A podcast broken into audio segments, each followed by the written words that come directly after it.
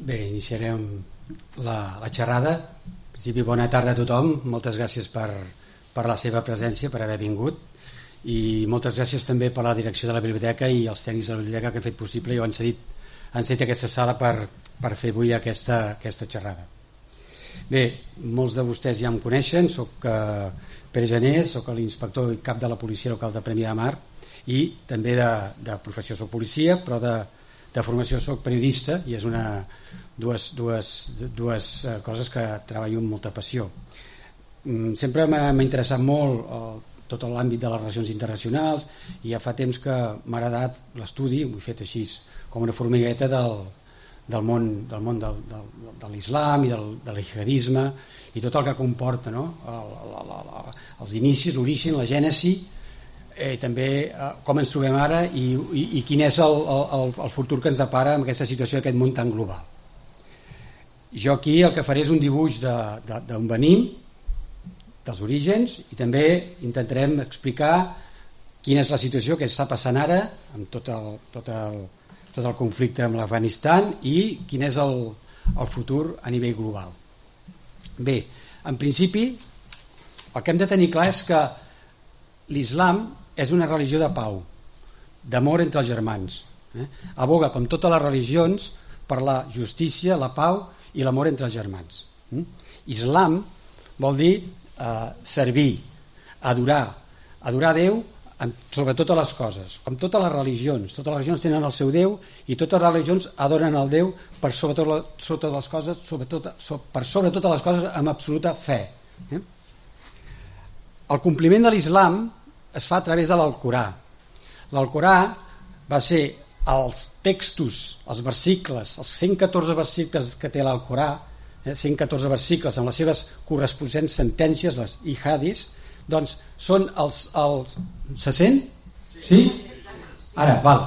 Doncs el, el Mahoma va rebre del, del, del, de Alà a l'Alcorà a través de l'arcàngel Sant Gabriel el, així com, per exemple, el, el cristianisme va poder rebre a través de Jesucrist, de Déu, a través de Jesucrist, totes les sagrades escritures, a Mahoma doncs, va rebre de, de l'Alà doncs, els textos del Coran amb els seus versicles que van constituir el que és la, la xeria, la llei islàmica. La llei islàmica que és la que regula tot el, el, el Corà. Per ells, per l'islam no hi ha més Déu que Alà, però com totes les religions, Alà és el Déu absolut de la religió de l'islam. I el Coran ho, ho, ho, ho regula tot, regula tota la vida del musulmà, des de que neix fins que, fins que es mor. És un codi ètic, moral, espiritual, polític i religiós. Eh? És un codi que dura tota la vida pel, pel, pel musulmà, mm, pel bon musulmà, pel que es considera el bon musulmà. La salutació al bon musulmà per, pel bon musulmà l'islam entra pel cor s'expressa per la boca i queda impregnat en, en cada un d'ells. Per això si s'hi fixen els musulmans tradicionals saluden amb aquest senyal. Entra pel cor, s'expressa per, la, per la boca i queda impregnat en cada un del bon musulmà. Per fer el bé, per promulgar la religió islàmica amb justícia, en pau i amb obediència deguda a Allah Mm? Quines són les característiques principals de, de, de l'islam? Bàsicament, professar, professar l'islam amb una fe absoluta en Déu i ser practicant de l'islam. Aquesta és una de les condicions principals que té el bon islamista, el musulmà. L'oració, com tots saben, musulmans han d'orar cinc cops cada dia eh, en dedicació i amb mirada i fe cap a la, cap a, cap a la Meca.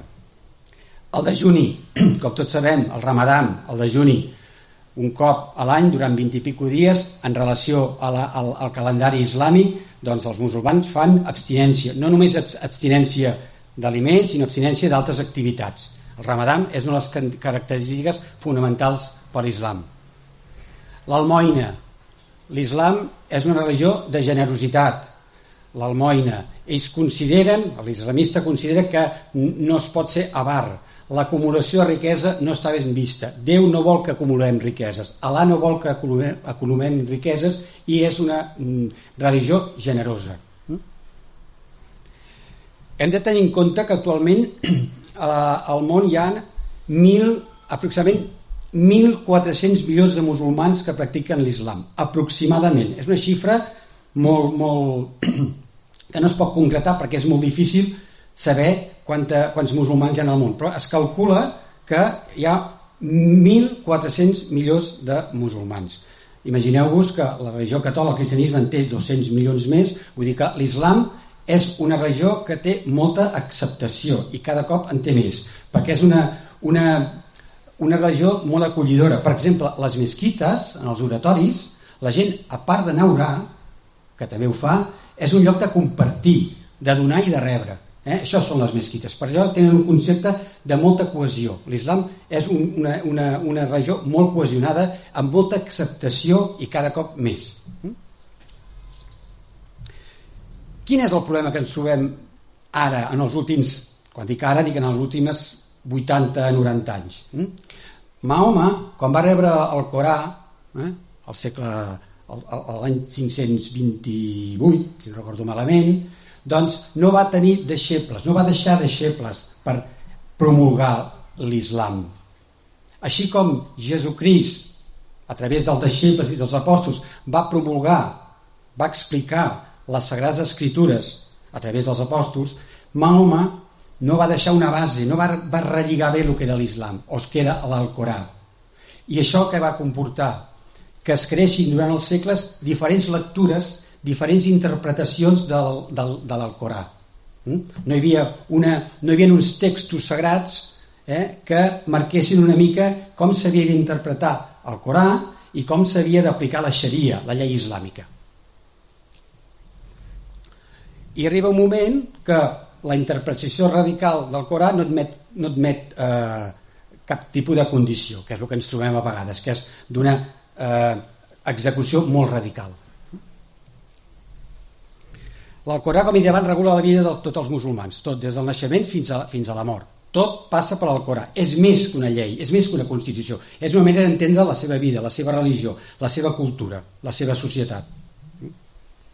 Quan neix un nen o una nena musulmana, la mare ja els, ja els llegeix la Zahara. De petits ja els llegeix la Zahara perquè és per estimular-lo a entendre què és l'islam. És tradicional fer-ho així. A partir del que he dit, que Mahoma no va deixar doncs, uns textos escrits amb una base que es pogués promulgar, apareixen doncs, dos corrents que són les que tots coneixem, no? que és els, el, els xiites i els sunites. Mm? Venen a partir dels textos del wahhabisme i el salafisme. Què és el salafisme? El salafisme és, eh, ve de salaf. Salaf vol dir germà del profeta, amic del profeta, company del profeta. El salafisme i el wahhabisme són dues corrents que es van iniciar al 1700 i han anat a desenvolupar tots aquests textos i repeteixo, s'han fet interpretacions diferents dels textos del Corà. I és aquí on comença a haver-hi el problema. El problema i el conflicte. A l'aparèixer aquestes dues branques, sunites i xiites, és el que desemboca amb, eh, diguéssim, les dues, les dues branques, els dos grups, diguéssim, les dues les dues mirades diferents de l'islam. Sunites. Què són els sunites? Els sunites són majoria, un 82-83% dels musulmans islàmics són sunites. Sunita vol dir, eh, suna és la tradició. Els sunites són els tradicionalistes, els ortodoxes, els radicals, un 82-83%. I els xiites són minoria no es vol dir que no siguin tan radicals, però fan una, una interpretació alegòrica del Corà, per alegoria. En canvi, els sunites fan una, una lectura, una interpretació més eh, literal. Allò que coneixem tots, que no s'ha no desenvolupat, que no ha evolucionat, que si el Coran diu que un lladre li tallen la mà, ells amb un lladre li tallen la mà. No han evolucionat en aquest sentit.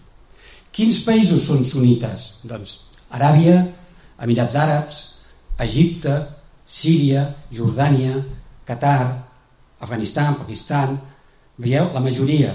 i després a la zona que és la, la zona d'Indonèsia, que Indonèsia és el lloc del món que hi ha més musulmans, hi ha Indonèsia i Filipines, són sunites, el que és el, el Magreb islàmic, el Marroc, Tunísia i Algèria són sunites, i el que és la part de, més de l'Àfrica central, Somàlia, Sudan i Nigèria són sunites.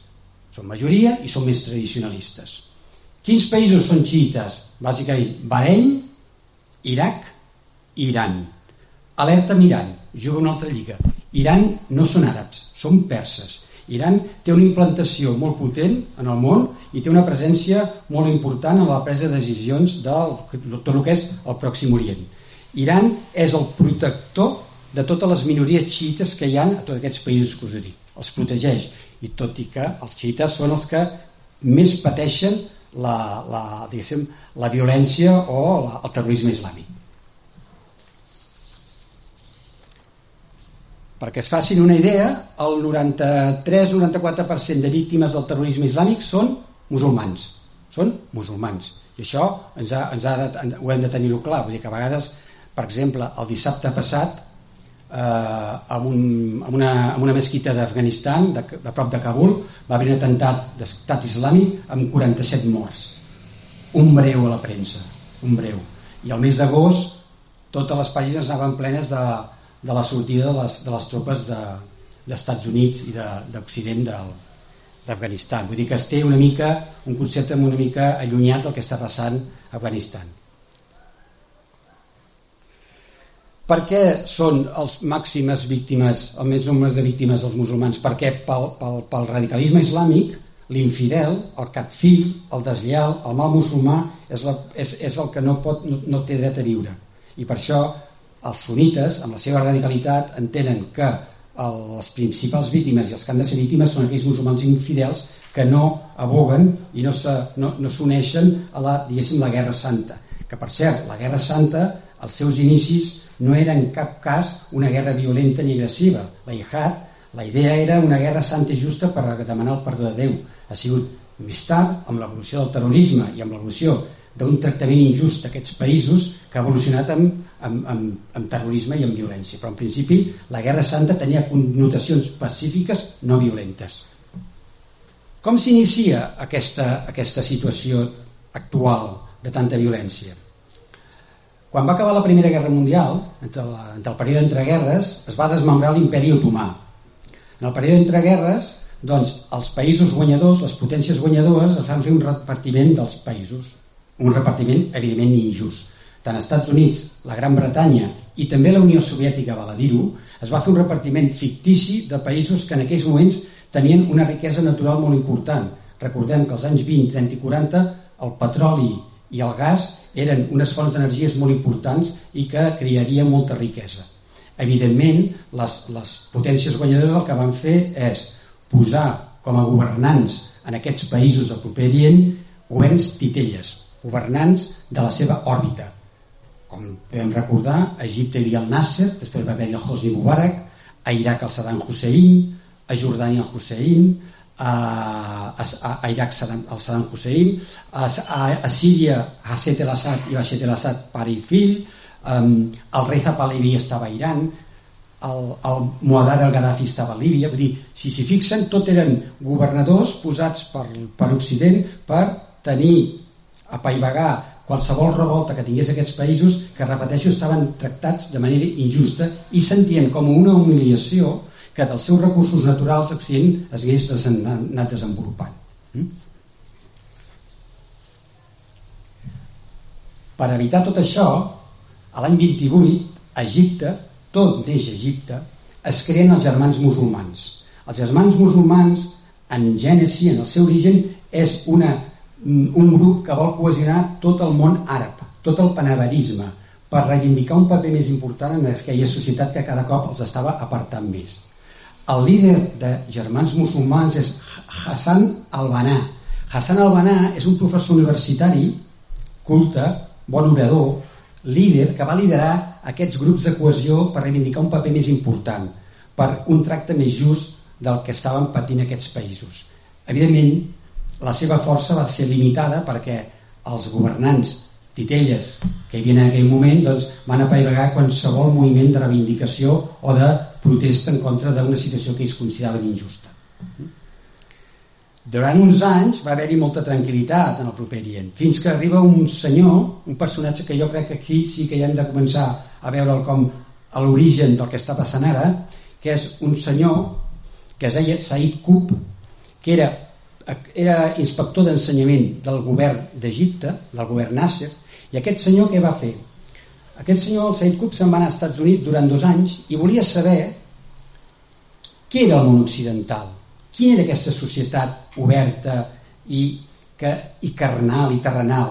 Va anar als Estats Units i quan va tornar, va tornar molt esbarat, va tornar molt escandalitzat.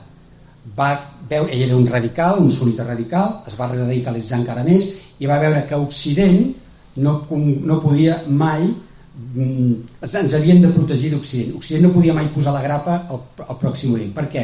Perquè ell va veure que les societats desenvolupades, el primer món que en diem nosaltres, els Estats Units, doncs l'home era lliure. La llibertat individual estava per sobre de la llibertat col·lectiva.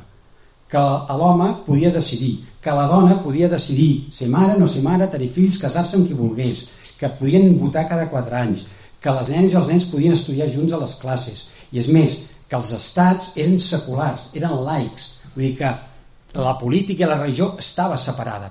Ell, el concepte que tenen els sunites, i sobretot aquella, aquella, aquella corrent més radical, allò per ells era inacceptable.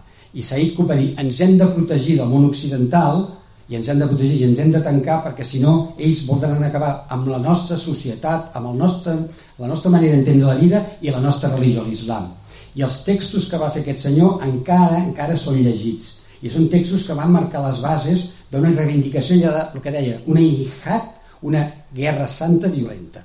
Què va passar? Que tanta reivindicació d'aquest senyor, doncs el Nasser, que era el seu primer ministre, el va fer detenir l'any 66, el va arrestar, el va, el va, fer, el, el va executar en una plaça pròpia, pública, amb un judici sumaríssim, i es va callar tota la reivindicació que hi havia en aquest sentit fins que hi ha uns anys de certa pau, malgrat que va haver un atemptat, i arribem a dos fets que jo considero claus a la, a la, en, el des, en el desenvolupament dels últims anys. Un va passar l'any 79 i l'altre va passar l'any 80. Són dues dates importantíssimes. L'any 79 va haver-hi la invasió de soviètica d'Afganistan hm? i l'any 80 va haver-hi la guerra Iran-Iraq.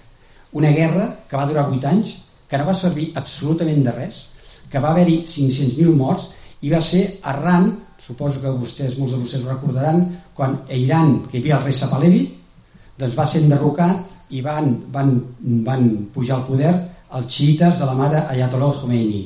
Aleshores, Iran, que repeteixo, era un país molt important, de la nit al dia es va convertir en una república islàmica de l'Iran. Per Estats Units i pel món occidental això era molt perillós. Què van fer els occidentals? Què va fer Estats Units? Doncs armar a Iraq, Saddam Hussein, per provocar una guerra entre iraquís i iranesos. Com, que Iran, com que Iran era el, era el, el perill número 1, aleshores el president dels Estats Units, Ronald Reagan, neocon republicà conservador, va promoure una llei que el Senat i el Congrés dels Estats Units va prohibir, va bloquejar qualsevol ajuda a Iran i va començar a armar i a rearmar no amb soldats, perquè els Estats Units ja no volia enviar soldats perquè estava molt escaldat de Vietnam, però va donar logística i diners al Saddam Hussein perquè lluités contra, i contra Iran. Però el més esperpèntic de tot és que quan ja portaven 4 anys de guerra, l'any 84, l'OTAN i els Estats Units se n'adona que estan armant massa Iraq i això els hi pot sortir el tret per la culata què van fer? Saltar-se una, una, una, un article, una, una, una llei del Congrés, dels, del Congrés dels Estats Units, Ronald Reagan d'amagat va armar a l'Iran. No sé si recorden que amb els diners que rebien de, la, de, de les armes que venien a Iran financiaven la contra nicaragüense, la contra de, per, per, per, per anar contra els governs comunistes de, de Nicaragua. A final, l'any 88 s'acaba la guerra, no passa absolutament res, queden dos països destrossats i Iraq amb el Saddam Hussein va continuar al poder i Iran amb l'Ayatollah Khamenei va continuar al poder, no va servir de res. Bé, va servir perquè en el Saddam Hussein se li va prometre revifar perquè estava en un país en ruïnes no els hi van donar el que va prometre li havien promès doncs, una injecció de diners important i va ser quan al cap de dos anys el Saddam Hussein va envair Kuwait eh? com, a, com a reivindicació de, del, del, que no li havien, del que li havien promès i no li havien donat mm?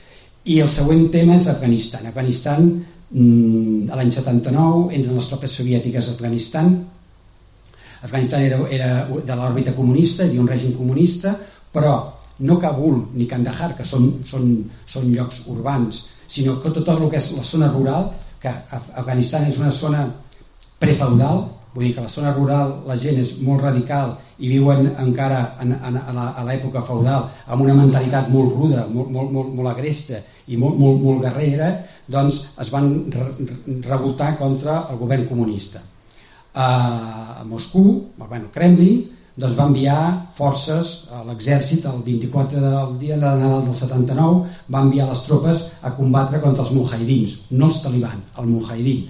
Mujahidin eren uns grups de guerrers que van estar ajudats amb el suport d'Aràbia, amb el suport de Pakistan i sobretot amb el, amb el suport dels Estats Units. No? Els Estats Units va ajudar els mujahidins perquè anessin a lluitar contra la Unió Soviètica. En aquestes que doncs la persona que va concentrar, que va crear una oficina de reclutament des del Pakistan per mm, formar a tots els mujahidins que venien, van fer una crida i venien mujahidins de Tunísia, d'Algèria, de Jordània, de Síria a lluitar contra la Unió Soviètica doncs la persona que va crear aquesta oficina de reclutament, aquesta, una cadena durada importantíssima que financiava l'armament i organitzava tot l'exèrcit de mujahidins era eh, Osama Bin Laden que havia estat cridat per la CIA, per, per, per Estats Units, perquè lluités contra la Unió Soviètica. Vull dir que aquest, aquest és una mica la situació que es va desencadenar. Què va passar?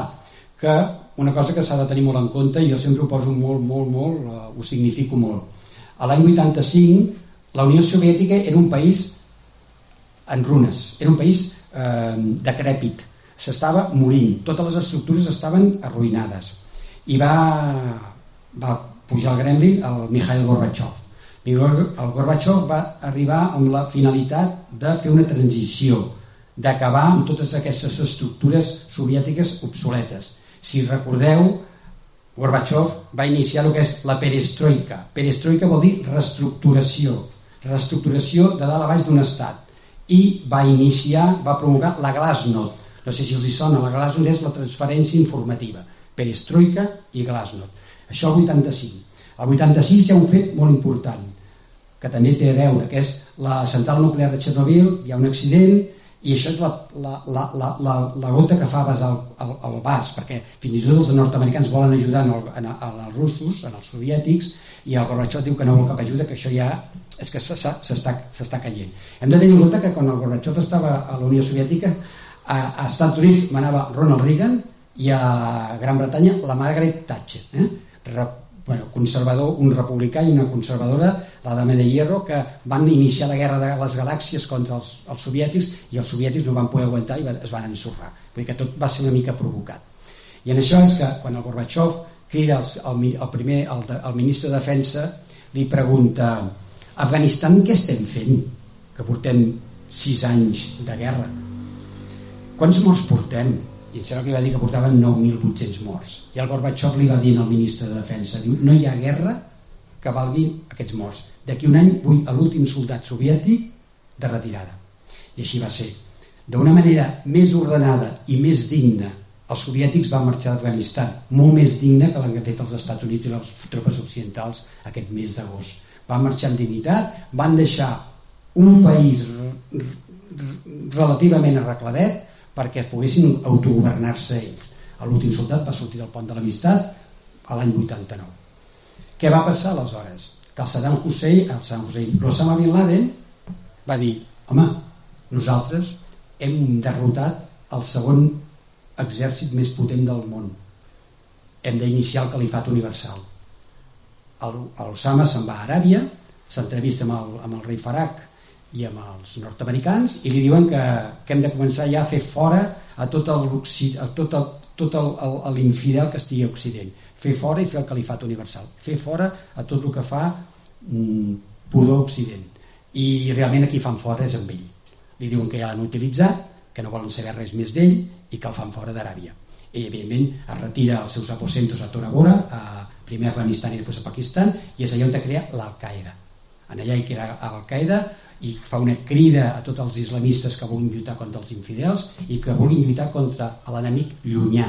Al-Qaeda sempre lluita contra l'enemic llunyà. L'enemic llunyà és Estats Units eh? Estats Units i tot el que envolta Estats Units.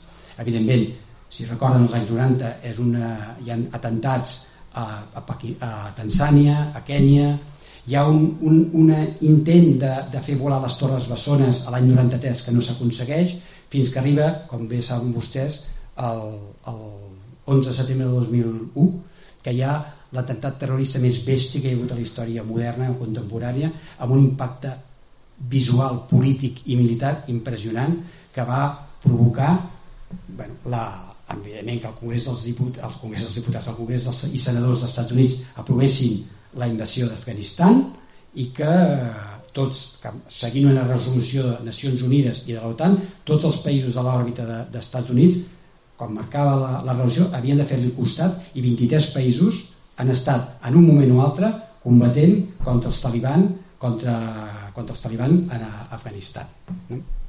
I això s'ha de tenir s'ha de, de tenir en compte perquè clar, eh, després mm, el, el, el que passa és que tenim una visió una mica sesgada de, de, de, de la realitat. I en principi eh, l'any 2001 van els, els, a, a envair els Afganistans. I clar, i la pregunta que es feia la gent el primer que fa els Estats Units és envair Afganistan. La pregunta que ens podem fer és dels 19 terroristes dels 19 terroristes que van atentar l'11 de setembre a les Torres Bessones i no només les Torres Bessones perquè es van enfosar quatre torres més més les altres dos avions més els 3.000 morts que un 40% encara estan per, per reconèixer i no seran mai reconeguts no seran mai reconeguts com qui són. Doncs què va fer els Estats Units? anar a envair Afganistan. Dels 19 terroristes que van cometre els atentats saben vostès quants afgans hi havia? cap. No hi havia cap. Evidentment tenien el Saman allà però no hi havia cap. Per això, Afganistan no té res, a veure amb els àrabs ni res a veure amb estat islàmic ni amb el que Afganistan és un altre país que se l'ha de conèixer, se l'ha d'entendre i Afganistan sempre ha patit la, les invasions. I ells els que volen és fer fora l'invasor, no tenen cap sentiment invasiu ni de conquesta eh? ells volen Afganistan i hem de respectar, després en parlarem la seva manera d'entendre la seva societat i la seva vida perquè si no per als occidentals és molt fàcil anar a tots els països i, i, i esperar que amb, amb un no res ens entenguin i el món global és global però cada país té la seva manera de, de, de, de, de viure i la seva manera d'entendre la cosa, la seva religió i la seva manera d'estructurar la seva societat mm? per exemple els hi posaré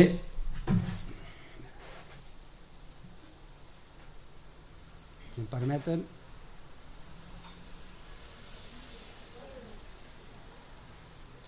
una, un re, un minut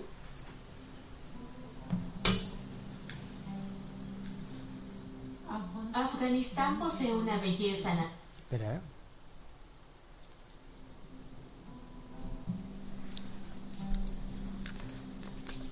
Afganistán posee una belleza natural.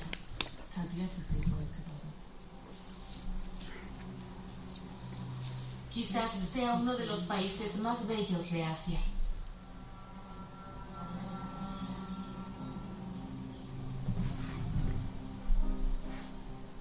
Me recuerdo cómo estudiábamos, cómo íbamos al colegio, nuestra casa.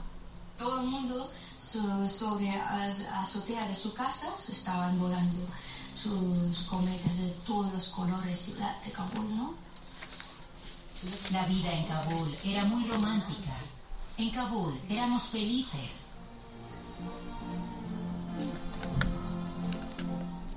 Creo que ya éramos feministas sin conocer la palabra feminista.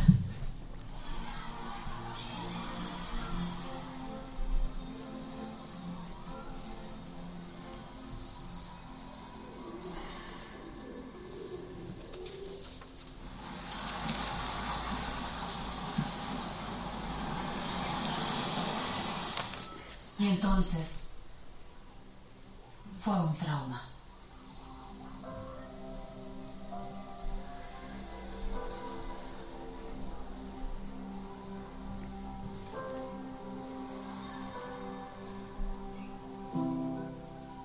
Tengo un sueño. Recuperar mi país. ¿Le parece exagerado? ¿Es demasiado?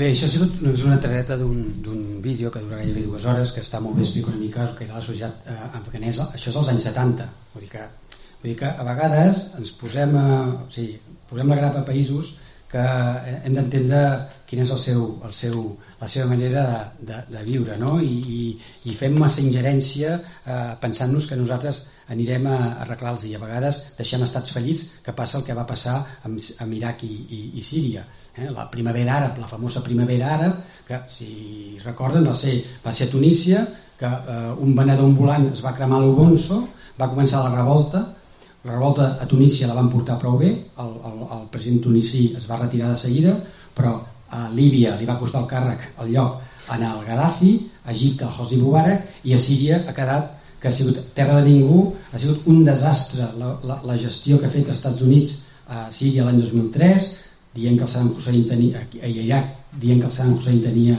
armes de destrucció massiva, va, van posar militars a la presó, després els van treure i que es va crear? Es va crear l'estat islàmic. L'estat islàmic és, eh, és el fruit de tot això, no? d'una mala, mala gestió i de deixar els països amb estats fallits. Anant allà, provocar una guerra i marxar i deixant els estats sols. I allà es crea el caldo de cultiu perquè estat islàmic és el que busca. Estats fallits i en allà és on entrarà. Estat islàmic va, ha durat 7 anys, ara sembla que pugui revifar. Estat islàmic conegut per Daesh. Daesh és un, és un, és un insult. Daesh vol dir, pel món musulmà, trepitjada. Daesh és, és, és, és pejoratiu, és estat islàmic, i vol dir estat islàmic. I com tots els estats islàmics, doncs són molt prepotents.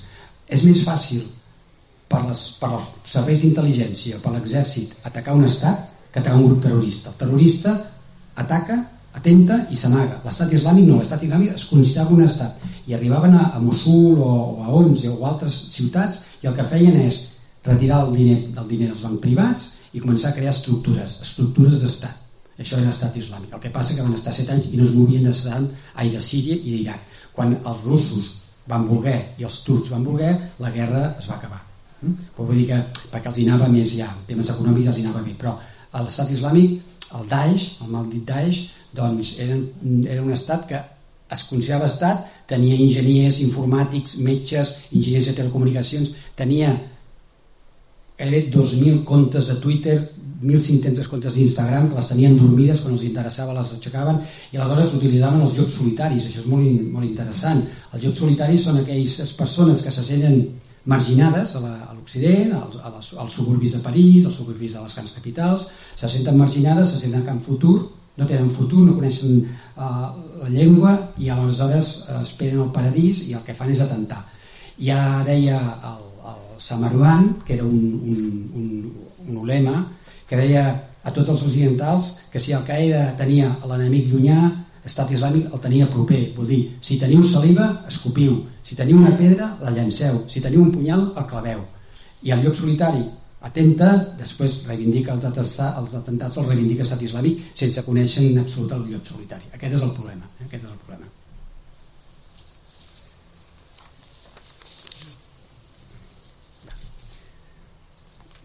He fet una mica de, de, de resum des dels germans musulmans que era, la, que era l'islam i ara explicaré una mica on som i, i cap on anem. No? Potser és més, a veure, el terrorisme és una estratègia violenta, el terrorisme en si és una estratègia violenta però molt feble. Eh? El terrorisme l'únic que vol sembrar és por, terror i violència i mort, però sap que és molt dèbil, és molt feble. El terrorisme davant dels estats constituïts no poden fer absolutament res. Un grup terrorista pot atentar, però l'endemà l'Estat conserva les seves estructures, el seu exèrcit i la seva manera de viure. Mai cap grup terrorista pot acabar amb el sistema, que és el que Erdogan acabar amb el sistema. No ho han aconseguit mai. L'única que aconsegueix és sensació de por, sensació de terror i sensació de dolor. però res més hm? el terrorisme vol generar confusió confusió i desestructurar els països però no aconsegueixen, ni mai a la història no ha aconseguit canviar un sistema hm? i a més tampoc a vegades no, no volen aconseguir ni, ni, ni objectius polítics perquè ens podem preguntar, home, a les Torres Bessones per què les van atacar? Podien atacar, ho volien fer el Pentàgon, la Casa Blanca, el, el Capitoli i fins i tot el tràgic atemptat de l'11M a Madrid de l'any 2004 per què van atentar contra un tren amb 190 persones víctimes innocents? Podem eh, atac, atac, atacar qualsevol estructura d'estat, el Ministeri de Defensa, la Moncloa... No, ells van anar, volen fer soroll, però ells són conscients que són molt dèbils. Els grups terroristes són dèbils i febles davant dels estats. Mm? Per exemple, aquest any dissortadament portem més morts a Catalunya per violència de gènere que per terrorisme. Eh? això que sembla que el terrorisme, terrorisme al llarg de la història doncs almenys en 20 anys han mort, han mort 200.000 persones. Del 2001 al 2021 per atemptats terroristes han mort al món 200.000 persones. Un 94% musulmans. Són moltes, són poques. En aquest període de temps han mort al món 3 milions de persones per, per accidents de trànsit. Es mor molta més gent al món per diabetis, per contaminació atmosfèrica o per, per eh, colesterol que per guerres o per terrorisme. Vull dir, aquesta xifra l'hem de tenir clara, eh? perquè de guerres ja no n'hi ha tantes. El món és conflictiu, però de guerres, guerres entre estats ja no n'hi ha. Hi ha guerres civils a països molt concrets guerres, la, la violència, el món és menys violent ara que fa 30 o 40 anys en el, que, en el sentit d'haver-hi guerres àmplies com les hem conegut, la guerra del Vietnam, la guerra de Corea, Afganistan, Iran, Iraq... Eh? Vull dir, ara estem en una situació que no estic defensant-la ni estic dient que estigui la, la millor, però vull dir, estem en una situació relativament plàcida.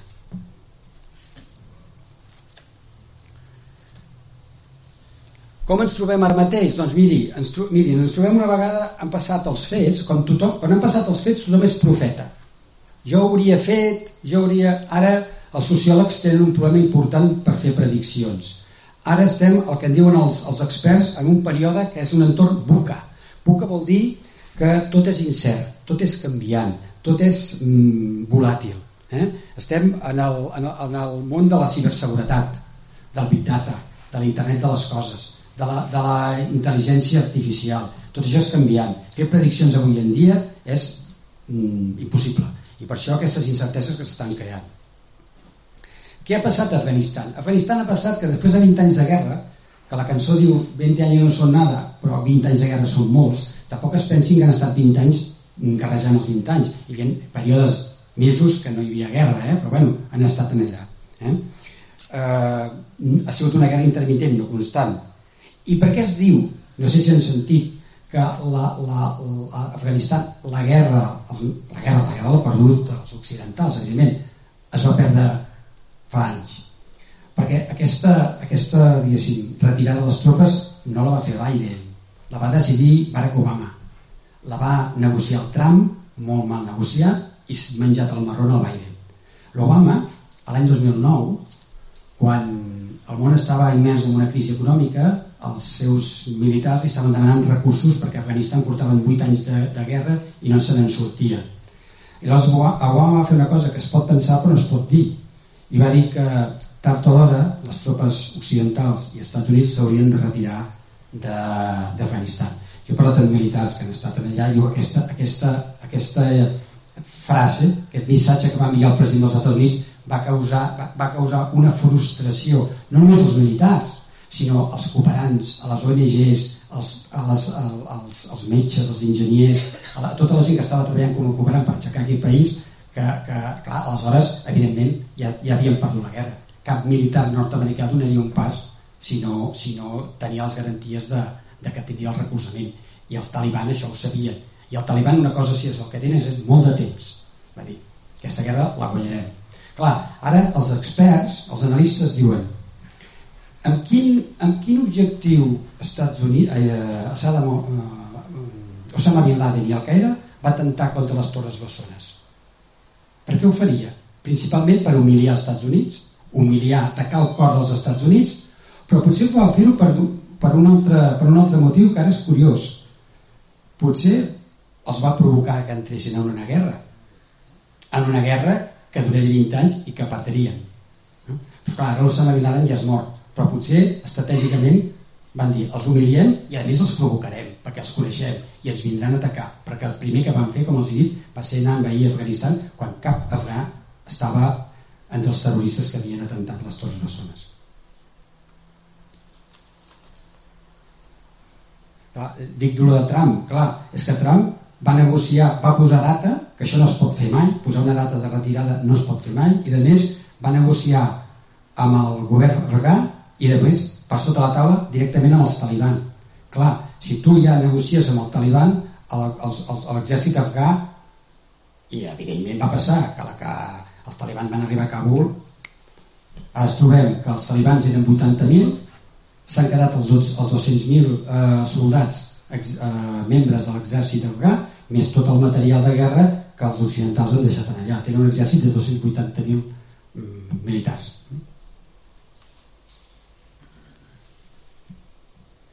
Perquè Afganistan es van allà per una, una màxima que es deia justícia infinita. Volien anar, els militars nord-americans volien anar allà, capturar Bin Laden i marxar. Quan que no van poder, ho van allargar a llibertat duradera. I quan van veure que ja no podien guanyar la guerra, van dir reconstruïm el país. I van intentar reconstruir el país, totes les forces que estaven allà. Eh, van, van intentar reconstruir el país i a la màxima dels militars que estan allà diuen si tu vas a una guerra que no vols anar mig obligat i vas pensant que, t'hi estaràs dos mesos i t'estàs 20 anys i vas a fer una cosa i fas totalment la contrària del que vas a fer es perd la guerra. Això és la lògica de l'exèrcit. I els militars sabien que perdien la guerra i haurien de marxar d'Afganistan més tard més d'hora. I més quan Obama va fer aquelles declaracions. Almenys el Gorbachev ho va fer més amb més gràcia Obama es va equivocar segons els, els, la gent que estava allà a Afganistan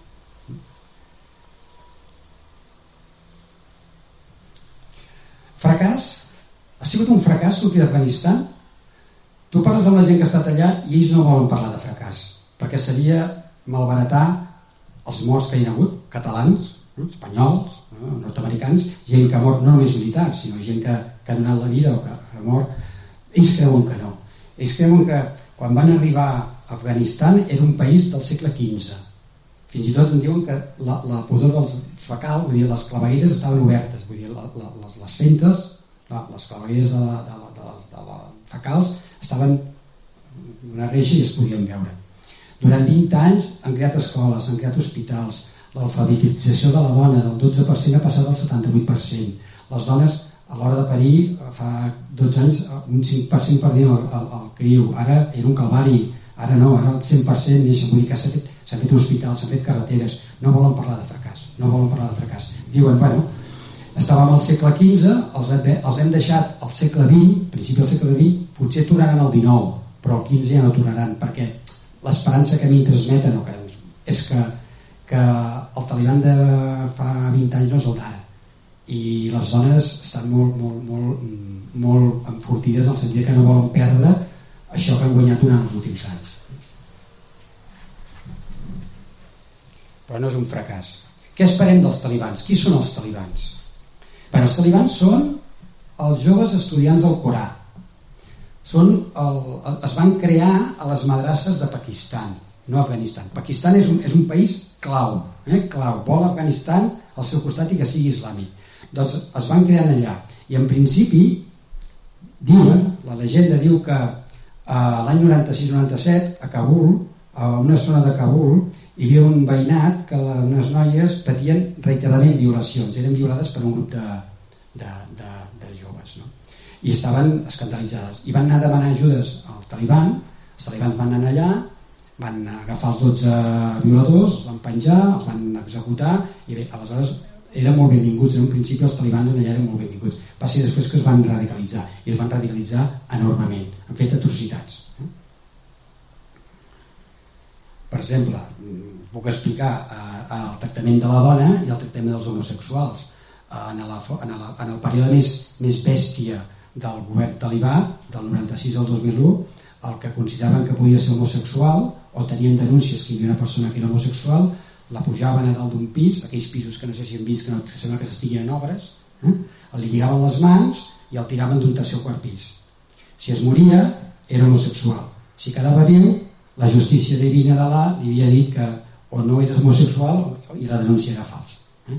I amb les dones feien alguna cosa més, una cosa pitjor, que era que si consideraven que una dona era adúltera, agafaven una cullera, l'escalfaven al, al, al viu, al rot viu, no? i li posaven en la, en la llengua. No?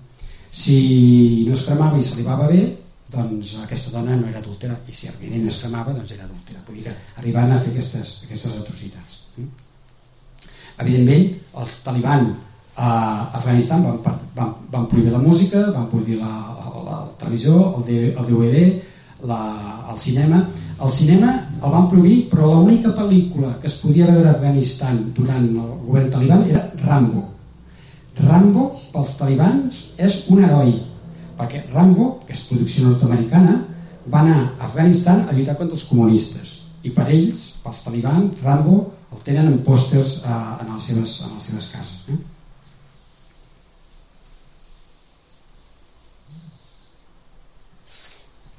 Els mujahidins volen, no, he dit, els mujahidins, els, els, els afganesos volen fer, volen fer fora en els, en, els, en, els, en els imperialistes, no volen ni fer polítiques d'invasives ni n'hi han a fer atentats com eh, la gent es pot pensar. No, els talibans volen, ara han fet fora al, al, al, al, al, al, als Estats Units i volen crear el seu estat. Però són mal gestors. Quan van governar, això també és curiós, eren mal gestors, no sabien administrar la cosa pública els ministeris els obrien 3 o 4 hores al dia i a més hi ha una cosa molt curiosa que hi havia una ingerència per Pakistan. Fins i tot, i això és molt fort eh? fins i tot les nòmines els salaris dels, dels uh, treballadors afganesos els pagava Pakistan. O sigui, les nòmines les pagava un altre país. Això és un, una forma d'ingerència que ens podem enriure de, de, de, del Regne Unit amb les colònies. Les nòmines dels, dels funcionaris afganos els pagava Pakistan per què és tan estratègic a Afganistan? Com bé saben, ha el 90% d'opi es cultiva a, a Afganistan, l'opi que, que és el mercat que, que es pot fer la marihuana, el haixí, no? cannabis, doncs el 90%. Però, alerta, Afganistan els últims anys s'ha localitzat unes pedres roques estranyes que poden comportar, si s'elaboren bé, amb, amb, una, amb unes troballes farmacològiques i, i, i científiques molt importants. I a més hi ha una cosa bàsica, que té, pot ser un dels màxims productors, ja ho serà ara, de liti. Liti. El liti és el petroli del futur. Afganistan serà l'Aràbia del, de, del futur. Mm? El liti, els mòbils, els ordinadors, els cotxes elèctrics, les bateries dels cotxes elèctrics, tots es van al liti Bolívia, Bolívia i Afganistan produeixen el 50% de liti actualment en el món. He aquí l'interès de la Xina per posar la grapa a, a Afganistan. I ara què? Acabo, eh? Amb el conflicte aquest hem descobert una cosa, i no se'm malinterpreti, eh? Les democràcies no es poden imposar. La democràcia és un sistema relativament modern és el millor que hi ha, però la Stuart Mills ho deia, s'han de cremar etapes. Països que no han sigut mai democràtics, que han viscut sempre en guerra, de cop i volta voler-los imposar fins i tot la democràcia no és bo, s'ha demostrat. La democràcia s'ha d'anar mm, cuinant, s'ha d'anar païnt, s'ha d'anar mesurant, s'ha d'anar a fer per estaris, s'han de crear classes mitjanes. Són països que no tenen classes mitjanes, sense classe mitjana no pot haver democràcia. Vull dir, imposar una democràcia de la nit al dia mm, i què passa?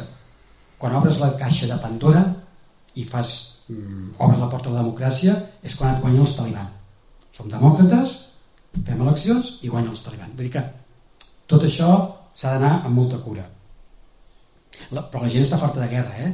quan la gent està farta de guerra li és igual qui guanyi vol viure encara que siguin els talibans mentre li garanteixin la vida perquè un mort la llibertat ja no li serveix de res vull dir que quan estàs tan saturat de guerra, de misèria i de gana, vols que s'acabi i que guanyi el que sigui, però que això s'acabi. I és el que està passant a realitat i ha passat a molts països. una cosa que també hem de saber a partir d'ara què? a partir d'ara tenim un problema perquè ningú liderarà tot això encara que sembli una cosa fora de context no hi ha res pitjor que els nord-americans o Occident no lideri això una cosa pitjor és que no ho lideri ningú perquè ara s'han vacunat ara les forces occidentals dels Estats Units s'ha vacunat no aniran a cap país si se'ls crida i que no posin el mateix interès com a mínim que el país que van a ajudar a la societat nord-americana està farta farta d'anar pels estats per les ciutats nord-amèrica i veure full tracks amb gent sense braç, gent sense cama, gent que està boja per culpa de la guerra. No volen. Aleshores, aquí, ho dic, com a món global tenim un problema. Tenim un problema perquè no n'hi no, no hi haurà ningú que lideri això. Perquè, per exemple, Boko Haram. Boko Haram. Boko Haram és una delegació de Daesh que està a Nigèria. Boko Haram vol dir, vol dir, l'educació a les dones és pecat. Boko Haram porta 1.400 nenes segrestades, violades, mortes, o quan les tornen ja es tornen casades amb els, amb els islamistes. Què hem de fer? Intervenim o no intervenim?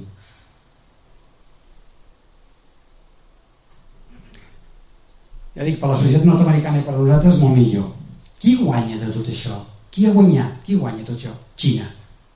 Xina s'ha posat entre cella i cella i ho farà entre 15 i 20 anys ser la primera potència militar, econòmica, energètica i tecnològica.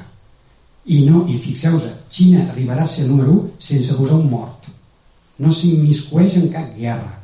Ell sempre queda al marge. El tema polític no li importa. És un negociant. Tant li és negociar contra una democràcia, amb, un, amb una monarquia, contra una dictadura. Li és igual, és un negociant. I Xina s'ha posat entre cella i cella ser la primera potència del món. A l'any 90 el món no es movia una fulla sense que els Estats Units ho sapigués. O sigui, no es prenia cap decisió al món sense decisió política, econòmica, militar. No es prenia cap decisió sense que els Estats Units ho sapigués. Avui dia, Erdogan, Turquia, Putin, Rússia i, i l'Iran es reuneixen a Kazajistan, truquen a la Casa Blanca, en el Trump o el Biden, diu, demà en reunim, si vols venir tu mateix, però nosaltres demà en reunim. Això no havia passat mai. Vull dir que el poder s'està basculant cap a Euroàsia. Rússia també surt beneficiada, però el problema de Rússia és que que té un PIB molt baix. No, no, econòmicament no és tan forta com Xina. Xina és potentíssima i el PIB, el PIB de, de, de Rússia és com Itàlia, una mica més que Itàlia. Eh? I Xina el problema que també té és que ara ja comença a tenir classes mitjanes i consumeix més i Xina no és un gran productor de, de petroli. Llavors també mm, farà els seus negocis. Alerta, aviat sentirem a parlar de Taiwan. Tindrem un problema amb Taiwan i la Xina perquè la Xina està veient que s'està quedant sense recursos de petroli. Qui perd? Perd Occident i la Índia. I encara que diuen que Estats Units perd, però Estats Units sempre té un as a la mànica. Eh? S'ha de menysprear la potència dels Estats Units. Sempre té un as a la mànica. I finalment, abans que el terrorisme jo crec que ens hem d'involucrar més o hem de tenir present el canvi climàtic. Jo crec que el canvi climàtic i la just, el desequilibri demogràfic seran les, les, les pedres que ens trobarem en el camí i que haurem de, de, de gestionar en els propers anys. Eh? Perquè segurament el canvi climàtic i el desequilibri demogràfic comporta també terrorisme, eh? el conflicte. Però vull dir, el terrorisme hi és, hi ha sigut i es pot dominar, però el canvi climàtic i les, eh, els desequilibris demogràfics són una cosa que, que o, o, o, o ens hi posem com a, com a GOM, com a societat i com a món global, o en patirem les conseqüències. Nosaltres no ho sé, però els nostres descendents sí. Mm?